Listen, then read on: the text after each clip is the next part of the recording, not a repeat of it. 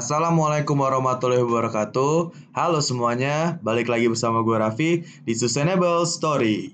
Jadi gue bakal awali cerita kali ini dari dua buah berita yang gue baca. Yang pertama ini ada berita dari tahun lalu ya, tepatnya Jumat 3 Mei 2019 pukul 16.45 WIB, berita dari Detik Health. Judulnya tuh Indonesia peringkat kedua negara paling banyak buang makanan. Gua kutip nih ya dari berita ini, berdasarkan Food Sustainability Index 2017 yang dirilis di Economist Intelligence Unit, Indonesia menempati urutan kedua terbawah atau lebih baik satu tingkat dari Arab Saudi untuk kategori limbah makanan yang terbuang. Jadi dari berita ini, uh, Indonesia itu menempati peringkat kedua sebagai negara uh, yang memproduksi limbah makanan terbanyak di dunia. Terus lanjut ke berita kedua nih ada dari Disaster Channel. Uh, judulnya adalah ini lima negara penyumbang sampah plastik terbesar di laut. Jadi ada Tiongkok, Indonesia, Vietnam, Filipina, dan Sri Lanka. Lagi-lagi, Indonesia merupakan peringkat kedua kali ini di bawah Tiongkok. Kali ini juga sebagai uh, penyumbang sampah plastik terbanyak ke lautan di dunia. Nah, Inilah jadi dua berita ini akan melatar belakangi pembahasan atau cerita gua kali ini. Oke, jadi apa sih yang bisa kita tarik dari dua berita yang uh, barusan tadi gue bacain? Jadi kalau gue sih nangkepnya, pertama Indonesia ini merupakan negara yang banyak memproduksi sampah. Itu yang pertama. Karena dia nggak cuma limbah makanan doang, tapi ternyata plastik juga banyak. Yang kedua, Indonesia dalam menangani sampahnya uh, belum baik. Jadi sebenarnya kalau misalnya pun kita penghasil sampah, tapi kalau misalnya penanganan kita atau pengolahan sampah kita sudah baik, tentunya uh, kita nggak akan menyumbang sampah plastik ke laut gitu loh. Nah sebenarnya uh, di sini gue pengen bahas dari dua fakta yang baru gue sebutin ini kenapa sih sebenarnya itu terjadi dan sebenarnya apa yang udah dilakukan pemerintah saat ini untuk uh, supaya kita nggak peringkat dua lagi nih. Harapannya sih ya nggak masuk dalam peringkat-peringkatan kayak gini lah gitu. Oke, jadi langsung aja gue bahas ya. Pertama, uh, fakta pertama tadi mengenai jumlah sampah. Ya kita tahu lah Indonesia ini uh, salah satu negara terbesar di dunia. Salah satu negara dengan jumlah penduduk terbanyak di dunia juga. Ya memang sewajarnya sih menurut gue kalau jumlah sampah kita banyak karena memang uh, normalnya sih jumlah sampah itu sebanding dengan uh, penduduk. Dan juga uh, kita ini kan masih negara berkembang ya. Ya gue nggak pas negara berkembang lah. Walaupun kalau nggak salah tahun ini apa tahun lalu ada yang bilang kita bahwa sekarang kita negara maju ya. Cuma anggaplah kita masih negara berkembang. Dan negara berkembang ini memang uh, notabene lebih menghasilkan sampah dibandingkan negara maju karena ya ada industri masih ekonomi masih masih tinggi. Nah sebenarnya didukung dari sebenarnya kita ini PDB-nya lumayan tinggi loh pendapatan domestik bruto ya. Kita ini tinggi. Jadi ini ada dari gue ngutip dari Kompas Si Indonesia ini diprediksikan masuk ke dalam 10 negara dengan PDB paling tinggi di dunia pada tahun 2024. Bahkan menempati posisi 5, cuma di bawah Tiongkok, AS, India, dan Jepang. Jadi emang kita diproyeksikan ini terus naik nih PDB kita sampai di tahun 2024. Nah, tapi sebenarnya PDB ini apa aja sih komponennya? Jadi komponen PDB ini sebenarnya ada beberapa ya. Jadi ada konsumsi pribadi atau mungkin konsumsi rumah tangga, ada investasi, terus konsumsi pemerintah atau belanja pemerintah dan juga ada sektor uh, ekspor impor. Nah, di Indonesia komponen konsumsi pribadinya ini tinggi banget gitu loh. Jadi mungkin nih gue baca sekitar 50% deh. Itu adalah uh, sumbangsih dari komponen konsumsi. Nah, ini artinya apa ya? Emang uh, ekonomi Indonesia ini digerakkan oleh konsumsi dan konsumsi itu uh, biasanya atau normalnya yang menghasilkan sampah. Jadi ya memang karena tadi jumlah kita banyak, jumlah orang kita banyak, negara kita luas, kita PDB tinggi dan komponen tertinggi dikonsumsi ya udah jadi wajar bahwa kita adalah negara yang menghasilkan sampah yang banyak. Karena tadi konsumsi kan ya tadi kita makan, misalnya ya, contoh misalnya kita makan, ya pasti ada sampahnya. Terus kita misalnya beli sesuatu lah, uh, itu kan masih ada kayak uh, packagingnya bisa jadi sampah juga ya. Ya itulah kira-kira yang menyebabkan kenapa sampah Indonesia ini banyak. Itu yang pertama. Yang kedua, terus sebenarnya kalau sampah kita banyak ya emang tadi wajar karena kita masih bertumbuh, orang kita banyak. Cuma yang harus dipikirin, eh, kok bisa gitu kita sampai menjadi negara peringkat kedua penyumbang sampah plastik ke lautan terbesar di dunia. Kenapa gitu bisa terjadi? Uh, yang pertama mungkin ini ya, gue mungkin nih, mungkin doang. Yang pertama, dulu uh, tahun lalu kayaknya gue dengar kabar bahwa Cina itu sudah menolak uh, kiriman sampah sampah plastik dari negara maju. Jadi biasa negara-negara maju ini bohong aja dia nggak ngasilin sampah, dia tetap ngasilin sampah. Cuma supaya itu tidak sampah itu tidak timbul di tempatnya dia, akhirnya beberapa diekspor. Salah satu pemakannya atau yang buat ngambil uh, yang banyak yang negara yang banyak ngambil si eksporan sampah dari negara maju kayak di Eropa gitu adalah Cina. Nah, kalau nggak salah tahun ini apa tahun lalu, akhirnya di stop tuh.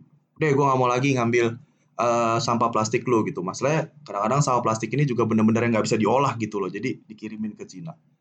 Nah, gara-gara si sampah plastik tadi nggak mau diambil Cina, larinya ke mana? Ke Asia Tenggara dan salah satunya Indonesia. Mungkin itu jadi menyebabkan misalnya uh, produksi sampah laut kita, eh sampah plastik kita tinggi. Mungkin. Tapi ada juga, jadi sebenarnya memang pengolahan kita inilah yang belum baik. Pengelolaan dan pengolahan sampah kita inilah yang belum oke okay gitu dan harus kita akui. Nah, sekarang kita bahas, kenapa sih sebenarnya pengelolaan dan pengolahan sampah kita ini kurang baik? Jadi yang pertama itu adalah karena andalan kita dalam mengolah sampah itu dari dulu adalah tempat pemrosesan akhir atau tempat pembuangan akhir ya TPA itulah TPA jadi misalnya kayak di Bantar Gebang itu kan bener-bener kalau kalian lihat foto-fotonya itu bener-bener kayak luar biasa sih banyaknya luar biasa. Dan nggak cuma di Bantar Gebang ya, di Bandung juga. Nah itu masih andalan kita lah. Nah sementara uh, sampah TPA itu kan, eh di, di TPA itu lingkungan jadi nggak bersih, banyak kayak misalnya uh, eh, TPA itu bisa ngeluarin gas metan, yang mana seperti terjadi di Bandung di TPA Lewi Gajah. Jadi dulu di tahun 2005 pernah ada suatu musibah ya, jadi karena si TPLW gajah itu banyak mengandung fraksi organik sampahnya, akhirnya fraksi organik tersebut kayak ngeluarin gas metan dan gas metan itu akhirnya numpuk dan tersulut api dan akhirnya terjadi ledakan di TPA tersebut. Dan akhirnya menyebabkan longsor. Longsor yang mengubur dua desa gitu. Jadi miris banget sih uh, ada penduduk kita Indonesia yang akhirnya terkubur oleh longsoran sampah gitu. Jadi memang si TPA ini bener-bener harusnya udah nggak boleh lagi jadi suatu andalan lah. Boleh masih dipakai gitu. Misalnya contoh negara-negara maju pun kayak misalnya Jerman, itu masih ada TPA. Nah, tapi bukan sebagai andalan utama dalam penanganan sampah gitu. Nah, namun di sini sayangnya dulu itu masih jadi masih jadi uh, ujung tombak lah. Jadi kita ya udah karena uh, sampah kita banyak, kita nggak biasa milah, ya udah akhirnya di cara paling mudah adalah untuk ditimbun kayak gitu. Dan selain itu, selain tadi penanganan sampah, ya memang kebiasaan si orang Indonesia ini belum biasa untuk ngurangin sampah deh paling awal. Belum biasa ngurangin sampah. Contoh, kita nih eh, sampah karena packaging itu banyak banget sih. Jadi kalau yang gue lihat misalnya kayak packaging misalnya habis beli makanan online gitu, makanan dari toko online atau misalnya pakai ojek online, itu pasti plastiknya berlapis-lapis. Terus ya alhamdulillahnya sih sekarang belanja sudah harus pakai ini ya uh, tas belanja ya. Jadi paling nggak plastik-plastik yang dari supermarket tuh berkurang. Cuma nggak tahu di pasar tradisional masih banyak plastik-plastik. Terus ya biasanya untuk uh, kayak makanan dibungkus plastik itu masih lumrah banget deh dan itu ya salah satu penyebab lah kebiasaan kita. kedua kita belum biasa milah karena memang mungkin tadi uh, penang pengolahan sampah itu nggak jelas jadi sebenarnya gue pengen jelasin dikit nih gimana sih harusnya pemilahan itu ya? Jadi sebenarnya pemilahan ini macam-macam. Jadi tiap negara punya uh, standarnya atau caranya sendiri dalam memilah. Sebenarnya tergantung apa sih? Tergantung dari mau diolah seperti apa sampahnya. Contoh Jepang itu benar-benar macam-macam dipilah sih. Bahkan sampai pet bottle tuh uh, botolnya sama tutup botol itu harus dipisah. Karena memang dia ada uh, recycle dari tutup botol dan botolnya sendiri. Cuma misalnya kalau kayak di Jerman enggak ya udah jadi kita buang botol uh, botol aja gitu atau bahkan kadang-kadang uh, ya udah plastik dicampur terus bahkan di jalan-jalan uh, itu masih dicampur sampahnya karena memang si Jerman ini salah satu proses pengolahan sampahnya yang paling besar yaitu insinerator gitu. Jadi sebenarnya tergantung gitu, tergantung si negaranya ini dan harusnya melihat dari kebiasaan si uh, masyarakatnya juga. Jadi nggak bisa, kalau menurut gue sih nggak bisa kalau kita langsung harus milah misalnya di rumah. Coba pilih di rumah jadi tujuh, ya kan bingung gitu loh. Jadi harus disesuaikan juga lah. Nah mungkin karena kita tadi penanganan sampahnya nggak baik, akhirnya warganya pun tidak biasa memilah gitu loh. Dan bingung juga milahnya harus seperti apa. Nah, itu juga uh, penyebab sampah. Jadi dari dari segi masyarakatnya belum apa kebiasaannya belum biasa ngurangin sampah dan milah sampah dan dari penanganannya itu masih gak jelas gitu, masih ngandelin si TPA tadi yang udah gue sebutin kekurangannya banyak. Nah, tapi sebenarnya apa sih yang udah dilakukan pemerintah Indonesia sebenarnya untuk menangani hal tersebut? Jadi ada sebuah angin segar sih di tahun 2017 ya. Jadi uh, presiden waktu itu ngeluarin peraturan presiden nomor 97 tentang kebijakan dan strategi nasional atau disingkat Jakstranas, pengelolaan sampah rumah tangga dan sampah sejenis rumah tangga. Jadi targetnya dari si Jakstranas itu adalah satu untuk mengurangi timbulan sampah pada tahun 2025 sebanyak 30% dari tahun 2017. Setelah itu yang kedua adalah uh, penanganan sampah rumah tangga dan sejenisnya di tahun 2025 itu mencapai 70% dari angka timbulan sampah. Kalau pengelolaannya seperti apa sih? Ada tadi uh, pemilahannya, pengumpulannya, pengangkutannya, pengolahannya, dan pemrosesan akhirnya. Itu semua diatur tuh. Jadi ada dua hal yang jadi target pemerintah dalam si Jakstranas ini. Yang pertama ngurangin. Yang kedua tadi penanganannya atau pengelolaannya harus oke. Okay. Jadi sebenarnya apa aja sih uh, strategi-strateginya gitu yang ada di Jakstranas ini? Jadi sebenarnya si Jakstranas ini nanti bakal diturunin jadi Jakstrada gitu, Jakstrada provinsi dan Jakstrada kabupaten. Jadi setelah ada Jakstranas ini, Pemprov dan Pemkot Pemkap itu ntar harus ngasih strategi mereka gitu loh. Jadi sebenarnya si pemerintah ini kayak nawarin solusi strategi-strategi apa aja sih untuk mewujudkan hal ini. Jadi contohnya misalnya dari segi pengurangan sampah kayak bakal dikasih penyuluhan gitu ke rumah-rumah katanya. Terus bakal uh, dikasih edukasi mengenai misalnya uh, recycle dari rumah atau misalnya jadi pembuatan kompos di rumah terus bank sampah gitu. Jadi harapan bank sampahnya tuh uh, skala komunitas misalnya skala perumahan gitu. Jadi harapannya sampah nanti yang dibawa oleh dinas itu sudah berkurang di situ Nah, setelah berkurang sebenarnya apalagi strateginya untuk mengelola sampah tadi? Nah, banyak sebenarnya dari segi pengelolaannya ya. Jadi katanya sih uh, mekanisme tipping fee itu bakal diatur. Jadi tipping fee itu apa sih? Jadi tipping fee ini uh, adalah ongkos yang dibayarkan oleh warga supaya sampahnya diurus gitu loh. Jadi itu ongkosnya itu diatur karena setahu gue nih orang masih nggak nggak seragam gitu bayarnya. Harusnya seragam ya. Karena sebenarnya ngambil sampah itu nggak selamanya dinas gitu loh. Kadang mungkin dari perumahannya ngambil sampahnya sendiri. Jadi masih belum teratur gitu loh. Karena kadang-kadang gini. Misalnya nih uh, sampah diambil dari rumah. Terus yang barang-barang bagusnya diambilin gitu loh. Kayak plastik-plastik yang masih ada nilai jualnya diambilin. Dan akhirnya ntar dikasih pemerintah yang benar-benar jelek gitu. Jadi benar kayak pemerintah dikasih yang uh, sampah yang benar-benar susah diolah gitu loh. Jadi nggak ada keuntungannya buat pemerintah. Nah seharusnya sih kalau menurut gua semuanya sekarang udah yang ngurus pemerintah deh. Jadi dari segi yang ngambil itu udah harus semua terlayani oleh dinas. Jadi gunanya apa sih semuanya buat pemerintah? Jadi kalau misalnya semuanya tertangani oleh pemerintah, artinya tipping fee tadi murni masuk langsung ke pemerintah. Artinya dia punya duit banyak gitu loh. Jadi nggak mesti uh, gerus APBN misalnya. Jadi si uh, pengolah pengolahan sampah ini bisa didanai oleh tipping fee gitu loh. Nah, yang gue tahu sampai saat ini sih masih kayak tipping fee ini banyak yang nggak masuk langsung pemerintah gitu. Nah, itu mungkin jadi suatu masalah. Nah, itu mau dicoba dibenerin. Terus misalnya uh, dia pengen ngolah sampah jadi bahan baku. Jadi contohnya misalnya recycle ya. Jadi recycle mau mulai ditingkatkan. Terus misalnya uh, pemrosesan sampah ya. Jadi contohnya misalnya waste to energy itu juga lagi digalakan nih sama pemerintah. Jadi ada dua misalnya pengen bikin insertor langsung Kayak contohnya itu banyak proyeknya loh. Jadi contohnya di Sunter, Sunter tuh mau bikin waste to energy. Terus yang gue tahu di Solo, di Solo tuh bahkan kalau nggak salah udah peletakan batu pertama ya.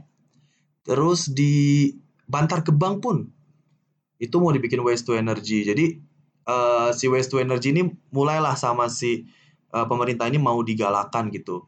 Atau misalnya uh, sampah menjadi RDF. RDF itu refuse derived fuel, artinya uh, bahan bakar yang terbuat dari uh, sampah. Jadi misalnya bedanya apa sih sama waste to energy? Jadi kalau waste to energy itu sampah langsung dimasukin ke insinerator, langsung dibakar jadi energi. Energinya buat bikin uap, uapnya muter turbin dan jadi listrik dan bisa ngasilin panas juga. Tapi kalau misalnya jadi RDF itu, jadi sampahnya itu diolah supaya bisa jadi bahan bakar. Nah, yang gue tahu itu ada fasilitasnya lagi dibikin di Nambo, jadi dekat Bogor apa di Bogor ya. Nah itu katanya sih si RDF ini atau misalnya bahan bakar dari sampah ini bakal dipakai sama Indosemen. Jadi buat bahan bakar si semen. Harapannya bisa mensubstitusi uh, kebutuhan batu bara gitu loh. Jadi udah oke okay banget nih sebenarnya strategi-strategi dari pemerintah dan pas gue cek sebenarnya project-project itu banyak loh di kota-kota besar kota-kota besar tuh udah disuruh semuanya untuk bikin waste to energy terus bahkan di Nusa Penida di Bali tuh gue lihat terus di Bali pun mau dibikin Solo yang gue tahu jadi udah udah ada gitu loh uh, niat si pemerintah ini untuk mengolah sampah gitu. Nah terus kenapa sih dari tadi gue bahasnya waste to energy terus gitu loh? Karena nah ini banyak banyak apa ya banyak uh, pro dan kontra juga nih sebenarnya waste to energy. Karena banyak yang bilang ya kayak dulu tuh sebenarnya mau dibikin di Gede Bage di Bandung. Cuma itu ditolak sama masyarakat. Kenapa? Karena uh, katanya ya waste to energy ini bisa ngasilin pertama CO2 itu udah pasti itu udah pasti deh ngasilin karbon emisi karbon Terus katanya bisa ngasilin dioksin. Dioksin tuh uh, gas karsinogenik yang bisa terbentuk dari zat-zat halogen dan itu banyak di plastik. Jadi kalau sampah plastik kita dibakar dan akhirnya jadi dioksin yang karsinogenik. Dioksin dan furan. Nah itu kata jadi banyak banyak ditentang lah dan emang ya uh, stigma masyarakat terhadap sampah ini kan buruk ya. Jadi kayak orang yang mau uh, di sekitar rumahnya dibikin WTE gitu pasti bakal mikir kayak ah bau lah, ah apalah gitu loh.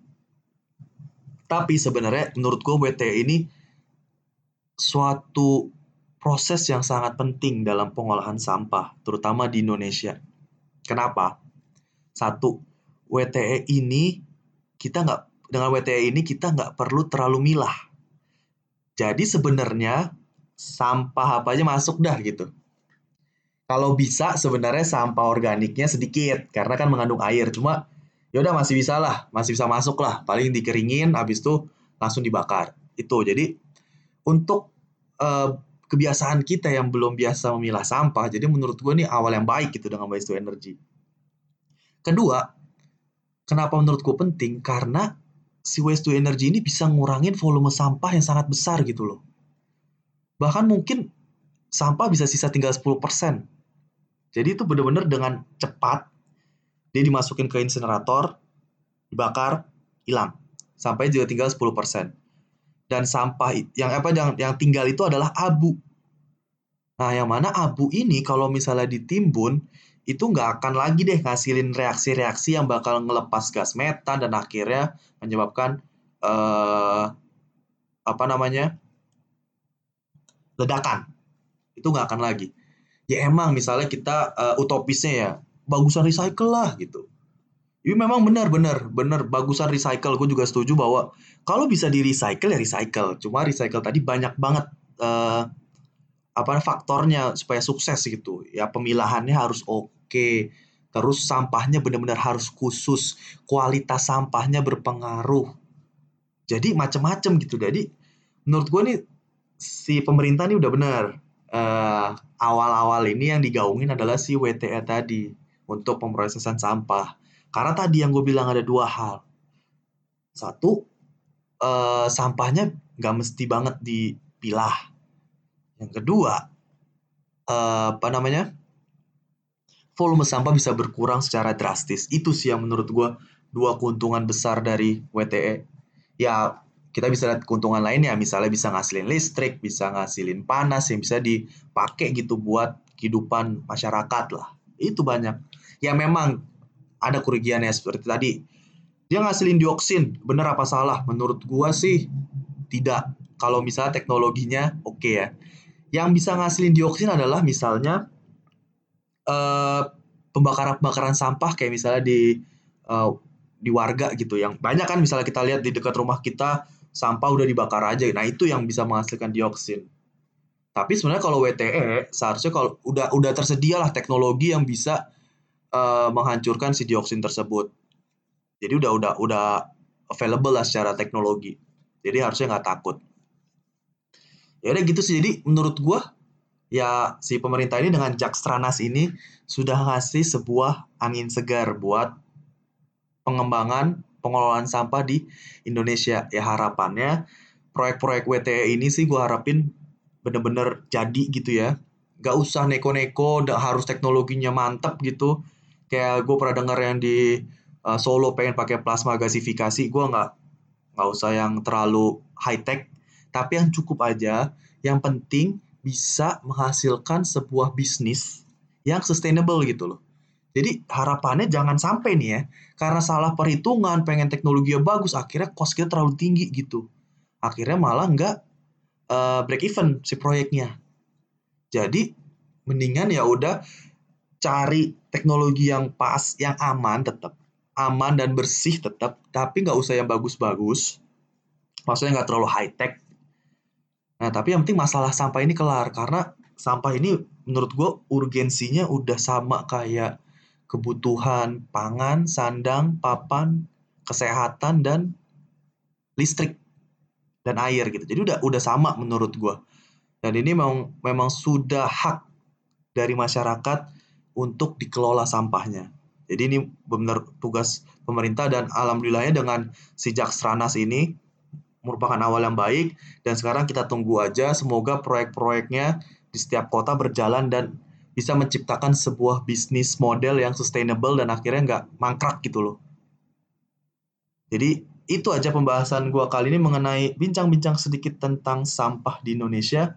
Mudah-mudahan bisa memberikan suatu gambaran ya tentang sampah ini.